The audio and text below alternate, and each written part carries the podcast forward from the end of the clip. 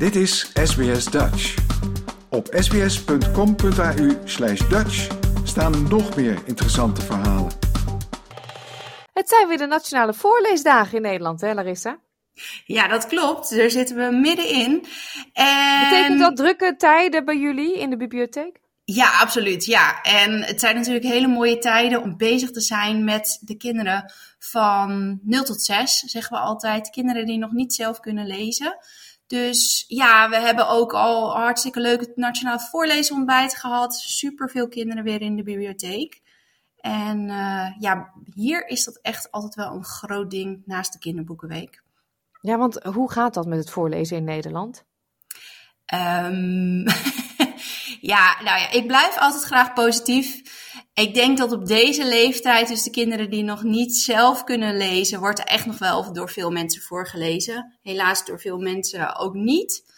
Uh, maar ik blijf altijd zeggen, ja, blijf gewoon zo lang mogelijk voorlezen. Want het is zo goed voor zoveel dingen.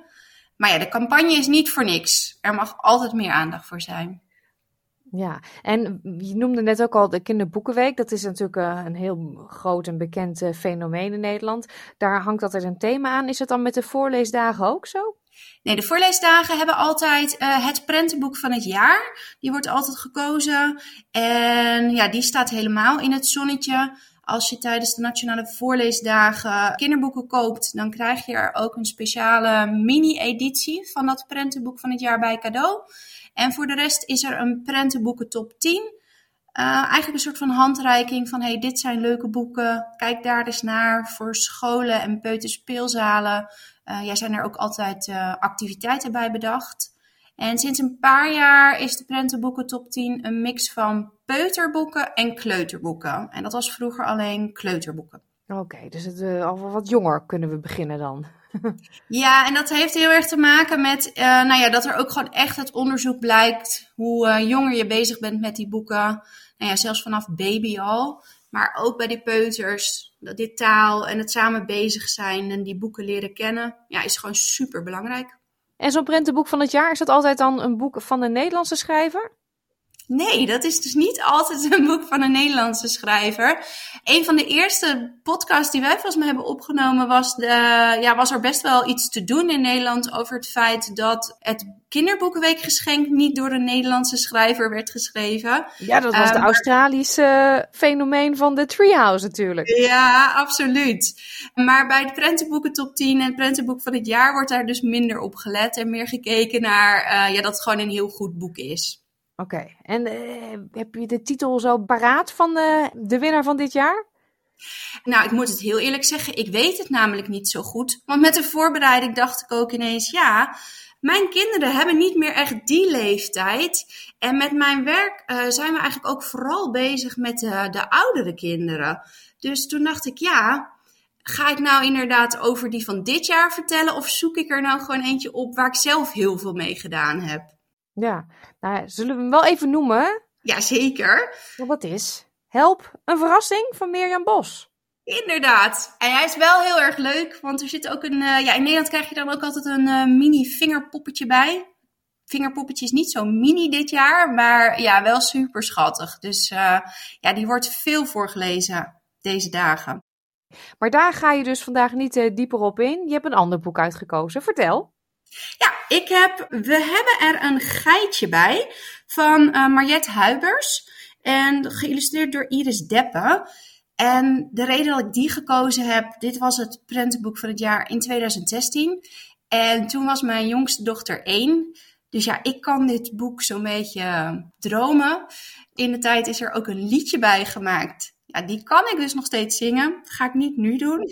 Maar ja, ik heb deze gekozen omdat eigenlijk zijn alle prentenboeken van het jaar altijd wel heel erg leuk. Maar deze is ja, zo ontzettend herkenbaar voor de kinderen van deze leeftijd. Het gaat uh, over Mick. En Mick gaat uh, naar de kinderboerderij. En ja, de kinderboerderij, jonge dieren. Het is zo herkenbaar voor die leeftijd. En op de kinderboerderij hebben ze er dus een geitje bij. En dat geitje is geboren. En dat wordt aan Mick verteld. Maar voordat hij daar terecht is gekomen, gaat hij dus langs alle dieren op de kinderboerderij.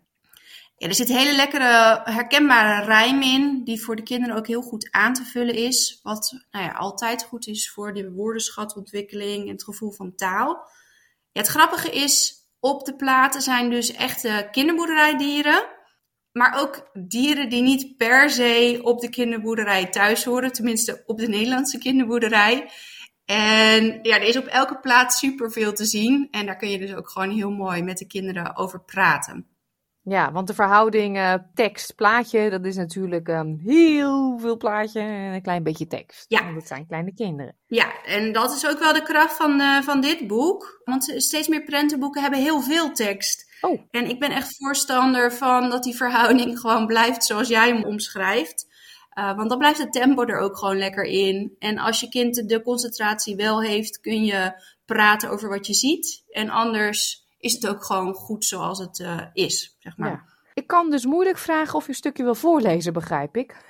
Want dan lees je het hele boek voor. ik wil het wel zeker proberen. Gaan we een klein, gaan we wel snel door het boek heen. Maar ik uh, denk, we doen een, een bladzijde of vier. Dan hebben we wel een mooi idee van ja, de ritme en regelmaat van het verhaal. Op de kinderboerderij hebben ze er een geitje bij. Mick gaat er voor het eerst naartoe. Bij het hek ziet hij de koe. Boe, zegt de koe, ik ben zo blij. We hebben er een geitje bij. Daarna komt hij langs bij het paard. Het oude paard zegt heel bedaard. Hie, het wordt druk hier in de wei. We hebben er een geitje bij. Oh, ik vind dat zo heerlijk, die tijd dat je dus weer die geluiden van dieren en zo kon maken met de kinderen. Heerlijk. Ja, echt. En uh, nou ja, zoals je al hoort, het woord bedaard komt voorbij. En uh, dat vind ik zo mooi als je zo'n klein verhaal hebt, uh, om daar dat soort ja, niet regelmatig voorkomende woorden in te stoppen.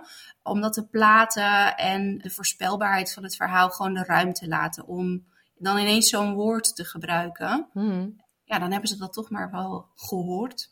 En jouw jongste dochter, kan die zich dit boek nog herinneren eigenlijk? Heb je dat wel eens gevraagd? Nou, dat zeg je wel. Um, ik zal het er straks als ze uit school komt hem eens laten zien. Ik denk wel dat ze hem nog kent. In ieder geval het liedje, daar gaat ze denk ik nog wel op aan. Ik ben heel benieuwd wat ze zegt. Ik ook, ja. Misschien kent zij het liedje ook nog wel. Dat denk ik wel. Nou, dan gaan we hem samen zingen als we niet door iedereen te horen zijn. Hartstikke leuk. Uh, veel plezier nog even. En ook met de drukte in de bibliotheek. Succes daarmee. Hopelijk uh, is het weer niet voor niks. En gaan uh, meer ouders weer voorlezen. Ook aan die hele kleine guppies. Absoluut. Tot de volgende keer. Wil je nog meer soortgelijke verhalen? Luister via Apple Podcasts, Google Podcasts, Spotify of waar je je podcasts dan ook vandaan haalt.